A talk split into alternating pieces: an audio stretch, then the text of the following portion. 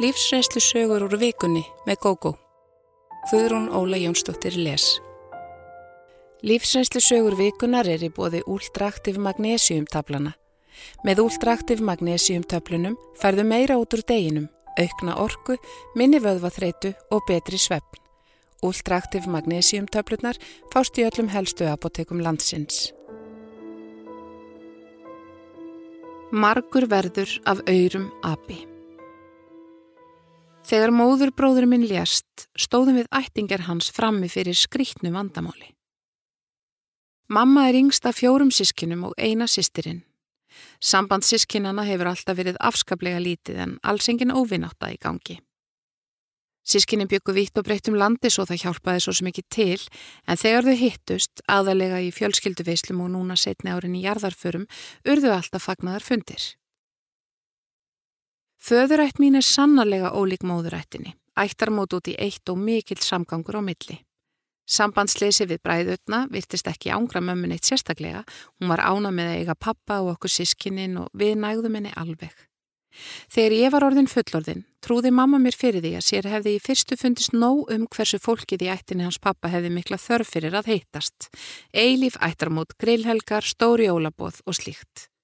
Þetta vandist þó og henni fór að þykja óseganlega væntum allt fólki hans pappa. Þegar pappi dó eftir stuttar sjúkdómslegu áttaði mamma sig enn betur á því hversu dýrmætt samhend stórfjölskylda getur verið. Föður fólki mitt skipulaði jarðarförina án þess þó að taka ráðin af mömmu og okkur sískinunum, bakaði fyrir erfidrykkjuna og reyndi eftir bestu getu að leta okkur þetta erfiða tímabill. Við vorum öll svo náinn og hefðum gert það sama fyrir hvert sem er innan fjölskyldunar. Ég veit að þetta er samt ekki sjálfsagt og miða við það sem ég hef heyrt frá öðrum er líklega millivegurinn á milli þessar að tvekja fjölskyldna minna algengastur. Bræður mömmu og fjölskyldur þeirra sendu blóm, ringdu og mættu auðvitað í jarðarföruna, föðmuð okkur og síndu samúð, það vantaði ekkert upp á það. Elsti bróðir mömmu vektist alvarlega í árspyrjun og mamma reyndi að heimsækja hann eins oft og hún gata á sjúkrahúsi þar sem hann lág í Reykjavík og gerði sér oft sérferð þangað. Hún tók mig með sér í eitt skipti svo ég geti kvart frænda sem átti ekki langt eftir. Þar heitti ég konu frænda minns, tvö af börnum hennar frá fyrra hjónabandi og nokkur barnabörn hennars. Í gegnum árin hafði ég ör sjaldan hitt þetta fólk og þekkti það lítið. Móðurbróður minn hafði búið með þessari konu í 30 ár og gengi börnum hennar í föðurstað en þau áttu engin börn saman. Eitt barnabarni var skýrt í höfuðið á honum sem ég finnst segja heil mikið um ljúminniðan frænda minn en samband hans og konunar hafði vist verið mjög haminguríkt. Eftir jarðarföruna komi ljósa mamma og bræður hennar voru erfingjar frænda minns, ekki fjölskylda hans til þryggja áratöga.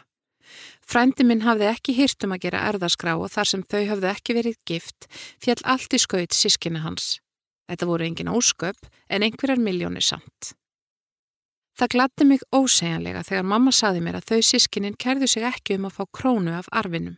Bróðir þeirra hefði átt fjölskyldu sem ætti að sjálfsögðu að erfa allt eftir hann. Þau sískinin fengu lögmann í lið með sér til að ganga frá þessu. Ég sagði vinkonu minni frá þessu og hún var bæði hrifin og hissa því hún sagðist ekki hafa mikla trú að mannkininu þegar kæmi að erðamálum.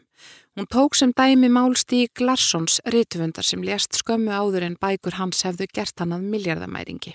Í stað þess að konarnas fengi að njóta góðs af, hirtu fadir hans og bróðir allan arfin því að stík og kona hans voru ekki gift. Þessi vinkona mín sagði mér frá frængu sinni sem hafði verið í 20 ári sambúð. Maðurinn var tíu árum eldri en hún og þegar þau kynntust hafði hann verið sestur í helgan stein, reyndar nokkru fyrir en flestir jafnaldrar hans því hann var vel efnaður. Sjálf var hún ekki á flæðiskeristöld, átti fínustu íbúð og hafði það gott í lífinu.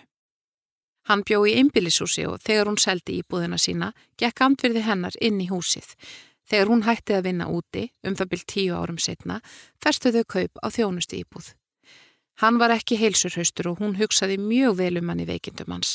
Hún passaði upp á að hann tæki lifin sín, kerðan til læknis og syndi honum og heimilinu mjög vel. Þau voru allatíð hamingisum saman og hann kunni sannarlega vel að meta allt sem hún gerði fyrir hann. Þegar hann svo lést komi ljós að samkvæmt lögum var konan hans algjörlega réttlaus því þau höfðu ekki verið gift og allt var á hans nafni. Hann átti enga lögarvingja, svo börnsískina hans erfðu eigur hans. Þetta var nánast ókunnugt fólk sem hafði verið í mjög litlu sambandi við frænda sinn. Þjónustu íbúðin var á nafni mannsinn sem og allt annað. Hann átti nokkrar miljónir í banka og þrjáriða fjórar íbúðir til viðbútar við þjónustu íbúðina sem konan hjælt að þau hefðu átt í saminningu. Erfingarnir byrjuðu á því að vísa konunni út úr íbúðinni, sögðu að lög eignarhaldsfélagsins meinuðu henni að búa þar lengur. Hún reyndi að malda í móin og talaði um að hún ætti jafn mikið í íbúðinu og maðurinn en þar sem hún gæti ekki sanna það þurft hún að flytja út. Erfingjarnir gættu þess vandlega að hún tæki ekkert með sér úr íbúðinni nema það sem hún gætt sannað að hún ætti. Það voru örfári smálutir og fötin hennar. Engin húsgögn, ekkert slikt. Hún hafði ekki rétt á því.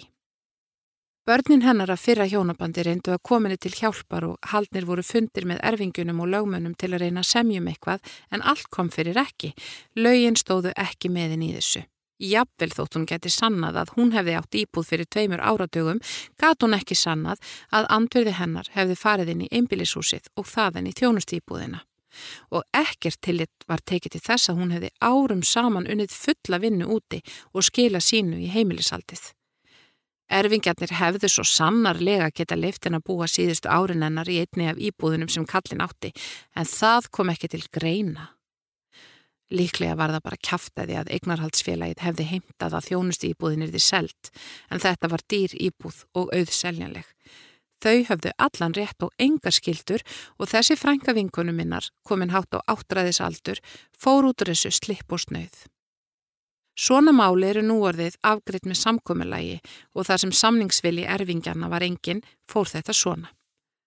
Svo gullur áskonulegin er ekki lengur inn í myndinni svo frænka vinkonu minnar misti allt sitt. Hún býr nú í litlu herbergi hjá sinni sínum og tengdadóttur og býður eftir plássi á dvalarheimili. Svona málur er ekkert einstæmi að sögn vinkonu minnar. Algengast er að konur fari illa út úr þessum málum og þá setni konur sem eignuðust ekki barn eða börn með þeim látna. Þrátt fyrir langa sambúð geta börn mannsins að fyrra hjónabandi verið algjörlega samviskulegs gafar þessum konum. Konur þurfa að tryggja sig með því til dæmis að gæta þess að þær séu einningsgráðar fyrir eignum og þær ættu aldrei að ganga inn í sameigilegan fjárhag eins og þessi kona sem misti allt sitt gerði. Best væri auðvitað að gifta sig en það kæra sér nú ekki allir um það.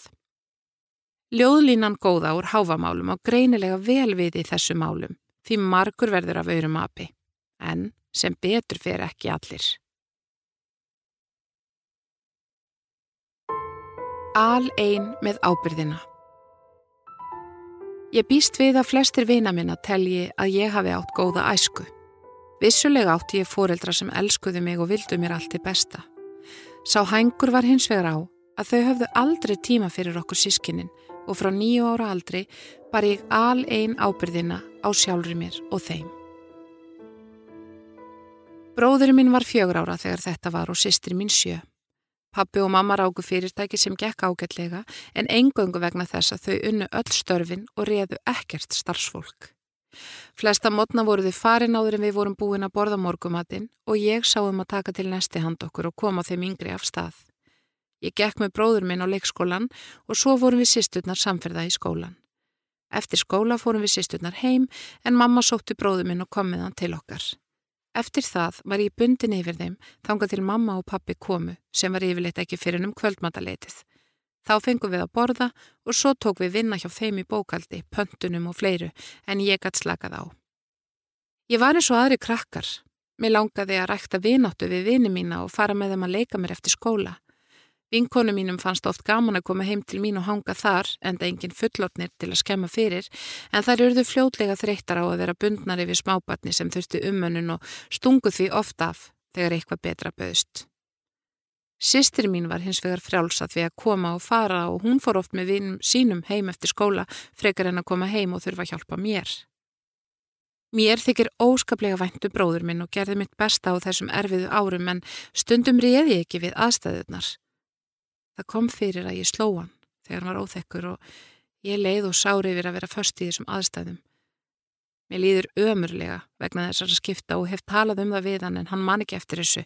Það eina sem hann man, segir hann, er hlýja mín og umönnun. Og þótt ég sé fegin því hef ég líka oft hugsað um allt það sem gatt gerst en gerðist til allra lukku ekki. Ég var alltaf með þennan litla dreng með mér hvert sem ég fór og hann hefði geta slitið sig af mér og hlaupið út á götu. Ég glemdi mér stundum í leik með vinum út á róló eða annar staðar í hverfinu og ef hann hefði ekki verið svona rólegur og góður hefði hann geta reyka burtu og ég ekkert vitað hvað af honum varð. Nokkrum sinnum munaði reynda mjóu. Einu sinni voru vinkonu mína hjá mér og við vorum að leika okkur inn í herbergi. Á einhverjum tíma hefur bróður minn farið fram án þess að nokkur okkur tæki eftir. Þetta var á heitum sumadegi og opið út á svalir. Ein vinkvenna minna þurfti á klósitið og sá þá að hann var komin út og hafði klefrað upp á garðstól og þaðan upp á handriðið og var að horfa út. Hún fór og sóttan og sagði hann má koma inn til okkar en engin okkar fattaði hvað hann var í raun hægt komin. Eitt vetradag fór ég líka meðan með mér í kerruða sleðabrekkun í hverfinu. Hann svaf og ég fór að renna mér með vinkonum mínum. Einhver hefur fyrktað í kerrunni eða reykið sig í hana því allt í einu sáu við hann að renna af staðniðu brekkuna. Kerran datt fljótlega á hliðina og bróður minn vald úr henni en meittist sem betur fyrir ekkert. Hann var bara sættur og ég náði fljóta huggan. Þegar ég var 11 ára flutti Lísa í blokkin okkar. Við urðum strax vinkonur og þótt ég elskaði Lísu frá fyrstu stundu held ég að mamminar hafi verið mér enn vermaðari. Hún hafi mikla ráðgjur af því hvað ég var mikið með bróðu minn og talaði nokkrum sinu við mammu og letar í ljós. Það var til þess að mamma fór að taka hann með sér í vinnuna af og til og ég fekk aðeins meira frí en ég hafði haft áður. Enguða síður fannst mér ég alltaf þurfa að líta eftir sískinu mínum og vera til staðar fyrir þau. Þegar ég var 15 ára keftu pappi og mamma einbílisús í hverfinu sem ég ólst upp í. Um þetta leiti var fyrirtækið farið að gefa af sér nægilega mikið til að mamma og pappi gáttu ráðið eitt starfsmann. Þar með létti aðeins álægin af þeim og þau notuðu tækifæri til að skemta sér meira með vinum og auðvitað var ég látin passa á kvöldin. Veturinn sem ég var 15 ára tóku við lýsa okkur saman og ákvaðum að halda bekkerparti. Mamma Lísu gaf okkur leifi til að vera heima hjá þeim og strax í oktober voru við byrjaðar að plana kvöldið en partíið átt að vera í november. Við ætluðum að vera með heimatilbúnar ítifur og snakk og strákanir sögðust ætla að koma með gósið. Ég var óskaplega skotin í strákibeknum og hlakkaði því mikið til. Ég var vissum að leti til skara skrýða þetta kvöld. Vikurnar flugu hjá og partidagurinn nálgæðist. Tveimur dögum áður fór ég vinnuna til mömmu og baða hann að gefa mér peninga fyrir nýjum fötum. Ég sagði henni að við Lísa ætluðum að vera með bekkerparti á förstu daginn og mér langaði að vera fín. Hún brosti við mér og sagði skilja það og gaf mér rífilega uppæð. Þess vegna kom það eins og þruma úr heiðskýru lofti þegar mamma tilkynnti mér í háttegin á förstu deginum að ég ætti að passa fyrir þau um kvöldið. Þau væru að fara í matarbóð. Ég varð alveg trillt af reyði og þverneitaði, öskraði á hana að hún fengi ekki að eiðilegja bekkarkvöldi fyrir mér. Hún sagðist ekki hafa haft hugmyndum að ég væri að skipulegja eitthvað parti. Ég sagði henni að við hefðum planað þetta vikum saman og hún meiraði að segja að gefi mér peninga fyrir nýjum fötum. Þá held hún því fram að ég hefði sagt að mér vantaði skólafött. Hún argaði á móti að ég hefði verið búin að lofa að passa sem ég veit að ég gerði ekki og þeirra matarbóð hefði líka staði til og verið í undirbúningi lengi. Rifirildi milli okkar maðgnana varð stöðugt heift úðugra og á endanum sagðist ég fara til Lísu og mér kemi ekkert við hvernig hún listi sín mál. Mamma gargaði þá á móti að ef ég færi kæmi ég ekki aftur og það varð úr. Ég fór með ferðartösku heim til Lísu og flutti aldrei aftur heim.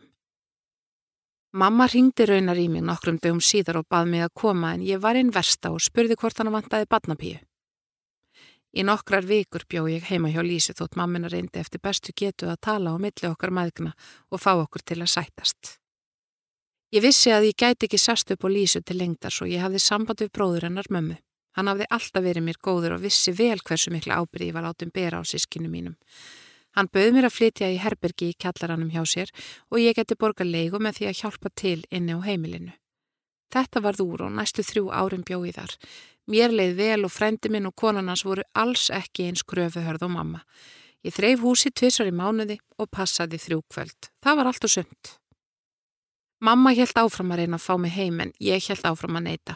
Átti erfitt með að fyrirgefinni. Átjón ára guðmulegði ég íbúð með vinkonu mínum og vann með skólanum. Ég lærði þá að vera sparsum og fara vel með peninga. Ég flutti tvít út til útlanda og lauk þar námi. Mamma skrifaði mér meðan ég var úti og þótt hún viðurkendi ekki að hafa lagt of mikið á mig eða komið alltaf fram á hvað ég að fyrirgefinni. Samband mitt við foreldra mína er sæmilegt núna og við sýsturnar erum fínar vinkonur. Ég elska hins vega litla bróður minn og hann mig. Hann leitar miklu fremur til mín en til mömmu. Ég hef gert mig grein fyrir að mamma mun aldrei skilja eða viðurkenna að hún hafi gert eitthvað rámt, svo ég forðast að tala um æsku mína við hana. Stundum bregður mér þó og ég get ekki annað en leiði þegar hún talar um hversu bundin hún hafi verið yfir okkur sískinunum og allar gæða stundinnar sem við hefðum átt saman þegar við vorum að alast upp.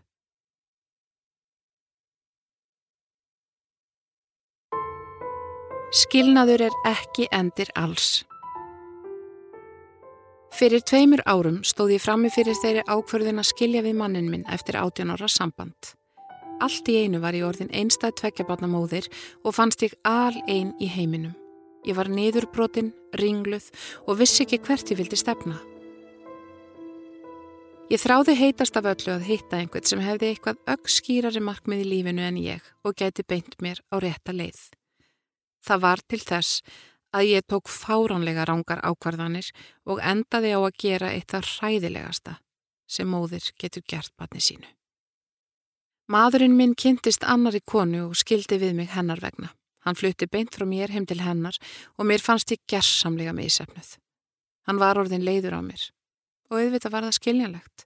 Ég var einstaklega óáhugaverð og því vallan um að vona kallmaður kærði sig ekki um að eigða æfinu með mér. Fyrstu vikurnar eftir skilnaðin barðist ég ímist við löngun til þess að ringi hann og hella mér yfir hann eða grátbyði hann um að koma aftur. Ég býst við að ef hann hefði látið í ljós minnstu löngun til þess að flytja aftur til mín hefði ég lofað honum hverju sem var og gert mitt besta til að standa við það. Á þessum tíma taldi ég mér trúum að tilfinningalegt uppnám mitt stafaði af því að ég elskaði hann svo heitt og gæti alls ekki verið ánans. Staðrindin var hins vegar svo að hjónaband okkar var ekkit sérstaklega gott. Við vorum mjög ólík og samskiptu okkar höfðu alltaf engjast af tókstreitu. Áhugamál okkar voru ólík og hann varði miklum tíma fjara heimilinu vegna sinna en ég var þess vegna mjög bundin. Það gleimist nefnilega ofta að ef annað fóreldri barna kýsa sækjast eftir starfsframa eða vil ná langt á öðrum sviðum verður hitt að taka við og sinna börnunum. Þótt við höfum leikskóla og skóla taka þeir ekki við hlutverki fóreldra Ég veit núna að ég var nöldrandi eiginkona, sífælt að betla aðtikli og umhyggju frá manni sem hafði engan áhuga á að gefa neitt af því sem ég þráði mest. Ég var líka í þeirri stöðu sem svo margar konu lenda í að eftir skilnaðin höfðu tekjur mínar mingað um 70% og ég varð að flytja úr einbílisúsi í blokkaríbúð sem var helmingi minni. Krakkandi mínu voru tættir og reyðir yfir breytingunum á lífið þeirra og strákurinn minn var reyður út í pappasinn en dóttir mín út í mig. Hann vissi að hann hafði staðið í framhjóhaldi og var öskureiður en stelpana var fullvisum að ég hefði raki föður hennar frá mér. Þau söknuðu félagana, herbyrgjana sinna og alls sem þau voru vön. Ég átti óskaplega erfitt með að takast á við vanlegaðan þeirra. Ég vissi ekki hvar ég átti að byrja og ég þorði ekki að tala við þau. Ég var þunglind á kvíðin og lokaði mig af. Suma daga gæti ég ekki einu snið farið fram rúminu. Mér fannst líka óskaplega mikilvægt að sanna fyrir sjálfur mér og öðrum að ég væri ekki einskis virði. Þannig að ég heldi mér út í djammið og var flestar helgar og þvælinginir í bæ í örvæntingar fullri leitað einhverjum sem hefði áhuga á mér. Það eina sem ég hafði nú upp úr því voru misefnu skindikinni sem ég skammaðis mér fyrir og grófu enn meira undan veiku sjálfströsti mínu. Um tíma var ég með manni sem kom fram við mig af mikill lítisverðingu Ég fyrirgaf honum allt og gekk á eftir honum og nánast grátbaðanum aðegli. Sambandið endaði með því að hann vísaði mér alfarið á bög. Þunglindi mitt og kvíði júkust jæmt og þjætt eftir það. Ég var farin að standa mig illa í vinnunni enda einbyttingin engin. Ég klúðraði einföldustu verkefnum og margt sem ég hafði leikið mér að áður var allt í einu svo flókið ærið ekkert við það. Ég reyndi að tala við vinkonur mínar en engin þeirra skildi það sem ég var að ganga í gegnum. Þær voru enni hjónaböndum sínum og vissu jú að þetta hlita að vera erfitt en fannst samt einstinni að ég ætti að geta hrist þetta af mér og tekist á við lífið af krafti. Einn þeirra meira segja sagði við mig að ég yrði að passa mig að festast ekki í sjálfsvorkun. Fóreldrar mínir reyndu að styðja mig en þau voru öskureið út í mannin minn fyrverandi og þótt ég væri það líka var svo skrítið að það hjálpaði mér ekkert að heyra þau út húða honum. Ég gati ekki tekið þátt í og fannst þert á móti að ég þyrsti að verja hann. Ástandið var orðið óbærilegt þegar ég leitaði loks til læknis. Ég var hægt að sofa og vinnuveitandi minn hafi skipað mér að taka veikindarlefi. Hann sá það sem ég vildi ekki sjá, nefnilega að ég var óvinnu fær. Læknirinn skrifaði upp á sveptöblur og þunglindistif. Ég byrjaði að taka hvort vekja en fannst ég bara verða ruggluð og hugsunin eins og loftkjant. Ég náði ekki að henda reyður og neinu og þótt lifin vissulega deyfðu sárar tilfinningar gati ég ekki tekist á við daglegt líf. Eitt kvöldi lendi ég í alvarlegu reyfirildi við sónminn sem endaði á því að hann rauk út og skellti hurðum. Dóttir mín var hjá vinkonu sinni og þegar ég var orðin einn þyrmdi yfir mig hversu gerðsamlega stjórnlaust ástandi var og ég óhæf til að takast á við það. Ég sturtaði þess vegna í mig öllum söptöflunum og fullta verkeflifum og fleiru sem ég fann í skápunum. Dóttir mín kom að mér þegar hún kom heim og ringd á sjúkrabíl.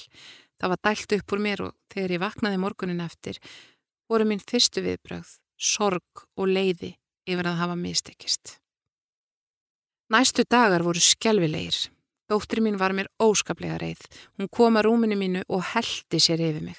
Hún sagði sjálfs elsku mína ótrúlega, engum og sérilagi vegna þess að ég hefði átt að geta sagt mér sjálf að hún myndi koma að mér. Ef satt skal segja, hafði ég ekki hugsað svo langt þegar ég tók ákvörðunum að taka döflunar. Hún tilkynnti mér að hún ætlaði að flytja til pappasins og aldrei tala við mig framar. Ég var gerðsamlega í rúst. Líkamleg vanlíðan var mikil en það var ekkert á við andlegu kvalinnar. Mér var bóðið að leggjast inn á getill en ég neytaði. Saðist það var lært mínu leksi og ég myndi leita mér hjálpar eftir að heim veri komið. Auðvita gerði ég það ekki og hlutinir heldu áfram að vestna. Ég var hægt að mæta í vinnuna en vinnuveitandi minn skildi að ég var veik og bauð mér sex mánuða veikindalefi. Það hefði átt að vera léttir en ég upplifði það sem enn eina höfnunina, enn eitt dæmið um að ég gæti ekkert og væri misefnið á öllum sviðum. Ég lá í rúminu dag eftir dag ófærum að gera neitt. Að lokum setti sónur minn mér úrslita kosti. Hann sagðist ekki þóla þetta lengur og ef ég gerði ekki eitthvað í mínum álum, flytti hann líka til föður síns og skildi mig eina eftir. Svo tilhugsun var hræðileg og var til þess að ég fór í síman og pantaði tíma hjá lækni. Ég fekk lif og var vísa til frekari meðferðar. Smátt og smátt fóru lifin að virka og ég fór að sjá lífið mitt í öðru ljósi. Vanlíðanin og vandamálin voru sannlega ekki horfin en ég fann að ég vildi takast öðruvísi á við hlutina. Fyrst af öllu reyndi ég að byggja brúmilli mín og dóttur minnar. Ég útskiði fyrir henni að ég hefði ekki hugsað raugreitt þegar ég tók þá ákverðun að enda líf mitt. Ég baðst fyrir gefningar og hún saðist tilbúin til þess en vissi að hún gæti ekki treyst mér. Hún býr því enn heima hjá pappa sínum en vonandi kemur bráðum svo dagur að hún geti hugsað sér að flytja aftur til mín. Næsta skref var svo að finna mér eitthvað að gera sem gæti gefið mér meiri lífsfyllingu. Ég skráði mig á námskeið í fæi sem ég hafði lengi langað að læra en aldrei gefið mig tíma til Þar opnaðist ný veröld. Áhíðin á viðfangsefninu gagtók mig og ég vann af meiri eldmóði en ég hef nokkru sinni gert og uppskar framúrskarandi árangur en það jóg sjálfströst mitt en frekar og gaf mér orku. Ég fór að trúa að betra líf beði mín handan við hornið. Ég kynntist líka frábæri fólki í gegnum námið sem var vini mínis. Við heldum áfram að hittast eftir að námskeiðinu lauk og líf mitt hefur tekið miklum stakkaskiptum. Ég veit ekki hvað framtíðin beri skauti sér en ég veit að ég ætla að gera betur og skapa sjálf mína hamingju. Illa svikin Oft hef ég hrist höfuðið yfir vinkonu mínum og ástamálum þeirra og sagst ekki skilja hvernig konur geti látið fara svona illa með sig. Nýlega gekk ég hins vegar í gegnum lífsreynslu sem breytti þessu viðhorfi mínu verulega og nú skil ég margt mun betur en áður. Ég hef aðeins einu sinni orðið yfir mig ástfanginum æfina. Manninu mínum fyrverandi kynntist ég meðan við vorum bæði í námi. Hann sagðist elska mig og ég get ekki dæmt um hvort það er rétt. Ég held hins vegar þá að þetta væri ást. En núna held ég að það sem ég fann gagvartónum hafi frekar verið vinátt á væntum þykja en ástriðu full ást. Við giftum okkur, eignuðumst tvö börn og skildum eftir 14 ára samband. Þá höfðum við einfallega vaksi hvort frá öðru og skilnaðurum var í góðu. Hann tók fljótlega saman við aðra konu en ég var einin okkur ár. Nokkrar vinkvenna minna voru í svipaðri stöðum þetta leiti og ég og við skemmtum okkur oft saman. Mér fannst stundum nóg um hversu lítil þægar þær voru og tilbúnar að sætta sig við ímislegt frá mönnum sem komu og fóru í lífið þeirra. Þeir voru óstundvísir, ringd ekki, kom ekki og sumur höfðu genusni fyrir að láta vita að þeir litu svo á að sambandinu veri lokið. Allt þetta fannst mér óskaplega heimskulegt og sagði oft við þær að ég skildi ekki hvernig þær getur sætt sig við þetta. Fyrir rúmi ári breytist svo allt. Ég var stödd á kaffihúsi með vinkonu minni á förstudagskvöldi þegar ingengu fjórir kallmenn. Ég tók strax eftir einum þeirra, enda stór glæsilegur maður og eftir vissan tíma fannst ég verða vörfið að hann tæki líka eftir mér. Eftir svo litla stund gengu þeir yfir að borðinu til okkar og spurðu hvort þeir mættu bjóða okkur drikk. Við þáðum það og spjalluðum við það svo litla stund. Þá sögðust þeir vera á leið á bar og byggðu okkur að koma með. Við gerðum það og fljótlega voru ég og drauma prinsinn komin í róka samræður um allt og ekkert. Mér fannst við eiga ótal margt samiðilegt. Sömu kvikmyndirnar höfðu þið til okkar. Hann hafði lesið allar mínar uppáhaldsbækur og við höfðum bæði gaman af að ferðast utan alfara leiða. Ég var í skíunum þegar ég fór heim þetta kvöld því hann hafði beðið um símanúmeri mitt og ég var vissum að hann myndi ringja. Það er eiginlega erfitt að lýsa tilfinningum mínum því ég var eiginlega ekki alveg með sjálfri mér. Mér fannst þið svífa og hugurum að komin á slikt flug að ég man ekkert eftir heimferðinni. Ég var líka svo uppspennt að ég gæti ekki sopnað og það var ekki fyrir en langt var liðið á morgunin að ég lag út af. Alla næsta dag beði ég í ofvæni, fullvissum að hann myndi ringja, en þegar það gerðist ekki var ég vissum að símtali kemi daginn eftir. Fjórir dagar liðu Áður en maðurinn sem við skulum kalla nonna ringdi og ég hafði næstum gefið upp alla von. Ef vinkona mín hefði verið í sömursporum og ég, hefði ég sagt hann að eða ekki tíma í þennan gaur því áhugi hans væri greinilega lítill. Ég hafði nefnilega lesið bókina He's Not That Into You, spjaldana á milli. En í stað þess að hlusta á viðverunabjöllunar var ég yfir mitt þakklót fyrir að hann skildi ringja. Ekki mingaði gleði mín þegar hann bað mig að hitta sig á kaffjósu næsta dag. Næstu vikur hittumst við oft og ég var stöðugt tripnari. Nonni var fróður, skemmtilegur og einstaklega hæfileikaríku maður. Hann rakaðið fyrirtæki og ég vissi að það var nokkur stöndbugt. Við urðum fljótlega elskendur og hann var bæði romantískur og blíður. Hann færði mér oft smá gjafir, morgumatti rúmið og eldaði yðurlega kvöldmanthand okkur. Ég hugsaði oft með mér að þetta væri of gott til að vera satt. Og auðvita var það svo. Við vorum búin að vera saman í sex mánuði þegar ég komst að því að hann væri giftur. Vinkona mín kom í heimsóknu, ég gæti ekki stilt mig um að segja henni allt um mannin í lífi mínu. Hún horfi steinheisa á mig og saði svo, og hvað finnst konunni hans um þetta allt? Veröldin, bókstaflega, hrundi. Ég starði á hana gapandi og gati fyrstu ekkert sagt.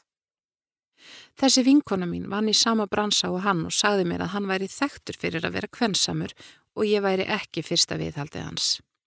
Ég var gerðsamlega miður mín og barðist við að halda andlitinu fyrir framar vinkonuna en gafst fljótlega upp, brotnaði saman og greitt. Hún reyndi að hugga mig, tala við mig en ég baða hann að fara. Ég hreinlega gati ekki þóla neitt nálagt mér á þessu augnabliki. Til allra lukku var vinkona mín skilningsrík og fór. Ég svaf ekkert þessa nótt og næstu dagar voru martröð. Ég fann enga ró í mínum beinum og gætt korki sofið, nýjaborðað eða átti samskipti við annað fólk. Ég tilkynnti mig veika í vinnunni og þegar ég var farin að halda að tárakirtlarnir hefðu endanlega verið tæmdir fór ég aftur að gráta. Nonni syngdi þrísvar á þessu tímabili en ég svaraði ekki. Hann hlýtur að hafa giskað á að eitthvað væri að því hann kom heim til mín fimm dögum eftir að ég fretti af tilvist konunar hans. Ég sagði honum að ég kærði mikið um að vera viðhald og bað hann að koma aldrei aftur. Hann var alveg undrandi og sagðist að var haldið að ég vissi að hann veri giftur. Hjónabandi væri opið og konunans alveg sama þótt hann ætti áskonur. Ég sagði að mér væri ekki sama og ég vildi ekki deila manninum í lífið mínu með annari konu. Hann var alveg miður sín, sagðist elska mig og ekki geta verið án mín. Hann gráð bað mig um að endurskoða þetta og eins og astni gerði ég það. Ég átti ástarsambandi við nonna í þrjú ár. Þótt ég væri alltaf jafn ástfangin var ávalt eitthvað sem nagaði mig. Ég vissi að þetta var ánt. Sambandið var alfarið á hans fórsendum. Hann kom þegar hann langaði, ringdi þegar hann vildi heyri mér og ég leik lögu konuna sem hlustaði á hans vandamál, rósað honum og ítti undir sjálfströst hans.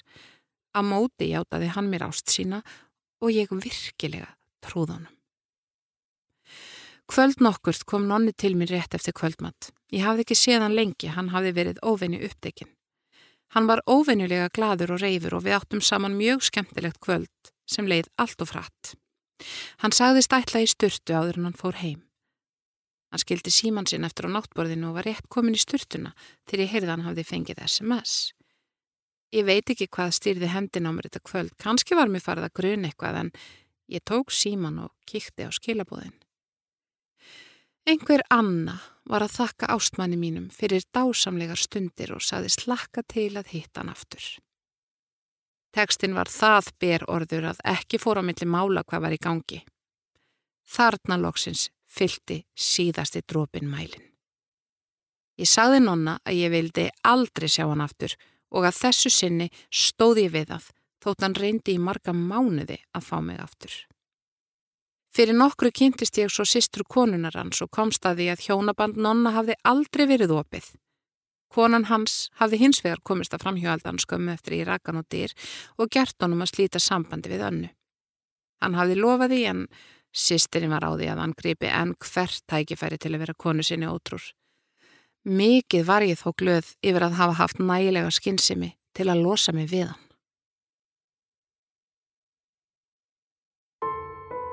Erfið heimkoma Ég fór í ferðarlega með síni mínum í sumar og þegar ég kom heim fannst mér maðurinn minn haga sér mjög einkennilega. Ég var nánast reið út í hann, þangað til ég áttaði mig á því hvað var í gangi.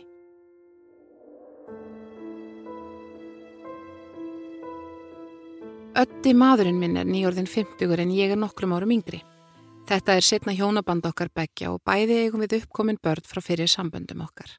Sónur minn, yngstabatnið, býr hjá okkur. Við búum í reynd einstökum kaupstað, ekki mjög langt frá Reykjavík og það ríkir mikil samheldni og góð vinátt á mill íbúana í göttun okkar. Við erum kannski ekki inn á gabli hvert hjá öðru en mörg hver þekkjumst við vel eftir að hafa búið þarna árum saman í sátt og samlindi. Það átti heldur betur eftir að koma sér vel nú í sumaraðega góða nágranna. Okkur ötta tókst ekki að fá allt sumarfríð okkar á sama tíma en vorum þó ána með að fá rúman hálfan mánuð saman. Við ferðuðumst ekki mikið, heldur vörðum tímanum að mestu í að ditta að húsinu okkar og svo reyndum við að slaka á eftir bestu getu, þess á milli. Þegar ötti var byrjuðar að vinna átti ég tvær vikur eftir í sumafríinu mínu. Ég ákvaði að skella mér í nokkura daga ferðalag á gömlu öskuslóðirna mínar fyrir vestan. Sónur minn, sá sem enn byr heima, ákvaði að koma með í ferðalagið og heimsækja gamla vini sína. Hann varð eftir í á þeim í næstar bæjarfélagi. Þarna dvaldi ég í nokkra daga í góðu yfirlæti hjá fræntfólki og náði hann heimsækja gömlu vinina. Ég hef reynd að halda eins miklu og góður sambandi og ég get við fólki mitt eftir að ég flutti á mölina eftir skilnað við fyrir einmann minn. Ég dvaldi þarna í viku í góðu yfirlæti en svo komað heimferðinni. Ég hafði heyrti ötta daglega og hann hljómaði res. Í síðasta símtalinu áðurinn ég lagði af stað saðist hann hlakka til að fá okkur aftur heim. Ferðin heim gekk mjög vel, ég sótti sónin í leiðinni og við ókum nánast án þess að stoppa alla leiðina. Ég hafði saknað ötta og var orðin óþrjöfu full að hittan. Ég hafði látið ötta vita af komu okkar með því að senda honum SMS og segja að við kæmum um kvöldmataleitið. Ég átti vonaði að okkar byði kvöldmatur við komu en það er ötti góðu kokkur og finnst gaman að elda. Um leið og ég kom inn fannst mér eitthvað vera öðruvísi en þátt að vera. Ötti fagnað okkur en var eitthvað svo fyrðulegur. Rött hans var drafandi svo ég held að hann væri drukkin sem ég fannst samt mjög ólíklegt. Engin matur beði mín og sonarinn sem var allt í lægi en ástandið á manninu mínum var sannarlega ekki lægi. Ég sá að dyrnar sem likjátt í gard voru galopnar og hundurinn okkar þar að þau ekki horfin. Hvað var eiginlega í gangi? Hvar er hundurinn, spurði ég hissa á. Og af hverju eru baktirnar opnar? Ég fekk ekkert svar en fór og lokaði hurðinni. Strákurinn minn fór að leitað hundinum. Ef hundurinn slapp út fór hann aldrei langt og það er ekki mikil bílaum fyrir því hverfin okkar svo ég hafði ekki miklar ágjur af honum. Ég var orðin fúl út í ötta en sagði ekkert og fór bara að elda kvöldmattin. Þegar maturinn var að verða tilbúin fór ég inn í stofu. Þar sá ég að hann lág á bakjan á gólfinu og þegar ég spurði hvað hann var eiginlega að gera sagðan Ég er úti að leita hundinum. Röttans var orðin enn skrítnari og það drafaði meira í honum. Ég leiti kringum mig og sá engin merki þess að ötti væri að drekka, ekkert vinglas, flösku eða neitt slíkt. Ég spurði hann hvort hann væri að drekka en hann neitaði því og saðist ekki vita hvað væri í gangi. Þá fór óttirna að læðast að mér. Ertu veikur, spurði ég. Nei, það er ekkit að mér, svaraðan, en ég heyrði samt að hann var orðin stressaður sjálfur. Ég talaði um að ringja sjúkrabíl en ötti mátt ekki heyra það minnst. Hann sagðist myndi jafna sig eftir smástund. Í sama mynd kom strákurinn minn inn með hundin. Ég sáð hann að það væri eitthvað að og bað hann um að vera hjá ötta, ég ætlaði að segja hjálp. Ég var reyð út í sjálfa mig fyrir að hafa látið mig detta í hugað ötti væri drukkin. Hann drekkur afar sjaldan og aldrei mikið þegar hann fær sér í glas. Ég hljóp út í næsta hús og ringdi dyrabjöllinni. Þar byr ágætis kunningakona mín, hjúgrunarfræðingu sem starfar á bráðadeild. Ég var vissum að hún geti hjálpa mér. Sem betur fyrir var hún heima og sá strax á mér að eitthvað mikið var að. Við hlupum saman heimti mín og hún fór strax að tala við ötta og hlúað honum. Þótt ég væri orðin ansirætt, róaði það mig heilmikið að hafa þessa góðu fagmannisku hjá mér. Ekki fannst mér verra þegar maðurinn ennar, þaul vanur björgunarsveitarmadur, kom örfáu mínútum síðar. Ötti hafði greinilega átt að sig á því að eitthvað alvarlegt væri í gangi því hann var sjálfur orðin smeykur. Nágranna kona mín ringdi strax í neyðarlínuna og sagði í síman að Ötti væri líklega með blóðtappa í heila. Ég settist á gólfi hjá Ötta og hjælti höndin á honum og reyndi að róan þótt ég væri eflust enn rættari en hann. Mér fannst andlitið honum verið orðið eitthvað skrítið og það var engin ímyndun hjá mér. Það liðu aðeins örfáur mínútur þar til heyrðist í sírenum og innan skams fannst mér stofan mín orðin fulla fólki sem stumraði yfir ötta. Nágranna kona mín fór með ötta í sjúkrabilnum og af því að ég treysti mér ekki til að keira sjálf var maðurinn enna svo elskulegur að aga mér á sjúkrahúsið. Sónur minn var eftir heima og sagðist ætla upp á allt. Þetta reyndist vera blóðtappi í heila eins og nágranna kona mín hjælt og ötti fekk bót meina sinna á sjúkrahúsinu. Hann þurfti ekki að liggja mjög lengi inni og svo lömun sem var hafinn hjá honum gekk alveg tilbaka. Ötti kendi sér einskis meins þegar hann vaknaði þennan morgun og fór í vinnuna eins og venjulega. Það var ekki fyrir um það byrj klukkutíma áður en ég kom heim sem hann fór að finna fyrir einhverju. Þá ætlaði hann að fara út að ganga með hundin en komst ekki lengra en að opna bakdýrnar. Mikið er ég fegin að hafa ekki lengt völmina fyrir vestan eins og ég var jafnvel að hugsa um að gera. Ötti hefði að vísu aldreilegi hjálparlaus mjög lengi því við vorum í daglegu símasambandi. Ef hann hefði ekki svara símanum heilan dag hefði ég orðið óróleg og drifið mig heim og líka beðið einhvern að aðtuga með hann. Sem betur fyrr kom ég heim á réttum tíma. Fyrstu viðbröð mín að álita að maðurinn minn væri drukkin þótt að gæti eiginlega ekki verið voru auðvitað eðlileg því það síðasta sem er dætt í hug var að hann væri eitthvað veikur hvað þá komin með blóttappa Það er út af því sem ég ákveð að segja sögum mína hér og ég vona að hún geti hjálpað einhverjum sem lendir í því sama. Ég er afar þakklátt góðun ágrannunum mínum í næsta húsi fyrir að bregðast svona hratt og vel við. Þótt ég hefði eflaust ringt í neyðalínuna fyrir eða síðar var ósegjanlega gott að fá aðstóðina og það frá fólki sem vissi nákvæmlega hvað það var að gera. Það er ómetanlegt að eiga góða granna. Þú varst að hlusta á lífsreynslusögur úr vikunni með GóGó í lestri Guðrúnar Óli Jónsdóttur og framleiðslu Storysight árið 2020. Höfundaréttur Vikan.